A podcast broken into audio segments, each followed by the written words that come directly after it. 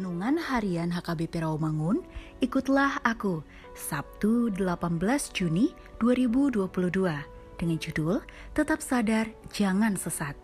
Bacaan kita pada pagi ini tertulis dalam Pengkhotbah 4 ayat 17 sampai pasal 5 ayat 1 sampai 6.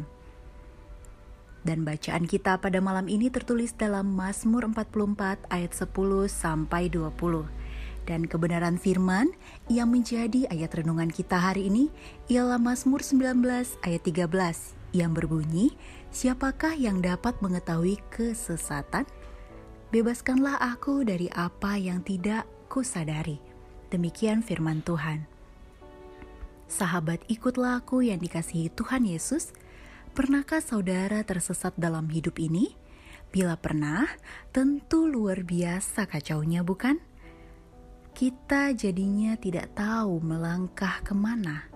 Apakah ke kiri atau ke kanan, ke depan atau ke belakang. Saya sendiri pernah tersesat di hutan waktu anak-anak yang tengah mencari kayu bakar saat itu. Bersama teman, kami berputar-putar entah ke mana. Bahkan beberapa kali kami ternyata telah kembali lagi ke tempat semula Akhirnya, kami memutuskan mengambil jalan lurus secara konsisten entah ke mana pun nanti akhirnya. Kami sepakat dengan mengambil jalan lurus, maka kami pasti akan keluar dari ketersesatan itu. Meski tempat keluarnya nanti mungkin berada di tempat yang tidak diduga-duga.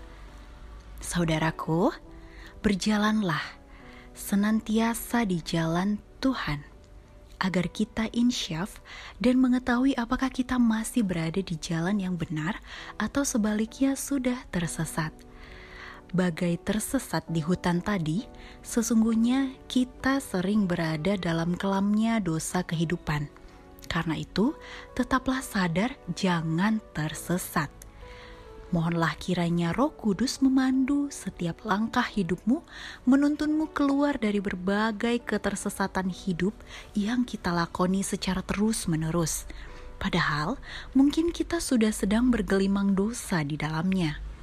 Mungkin saja bahwa menurut nalar kita hal itu adalah baik, padahal sangat mungkin juga bahwa kita sudah jauh tersesat menyimpang dari jalan dan kehendak Tuhan. Kiranya Roh Kudus menuntun kita keluar dari ketersesatan hidup, sekaligus membebaskan kita dari berbagai dosa kehidupan yang tidak kita sadari. Tuhan memberkati saudara dan memberkati kita semua. Amin. Mari kita berdoa. Tuhan Yesus, ajari kami untuk selalu senantiasa berjalan di jalan Tuhan. Amin. Música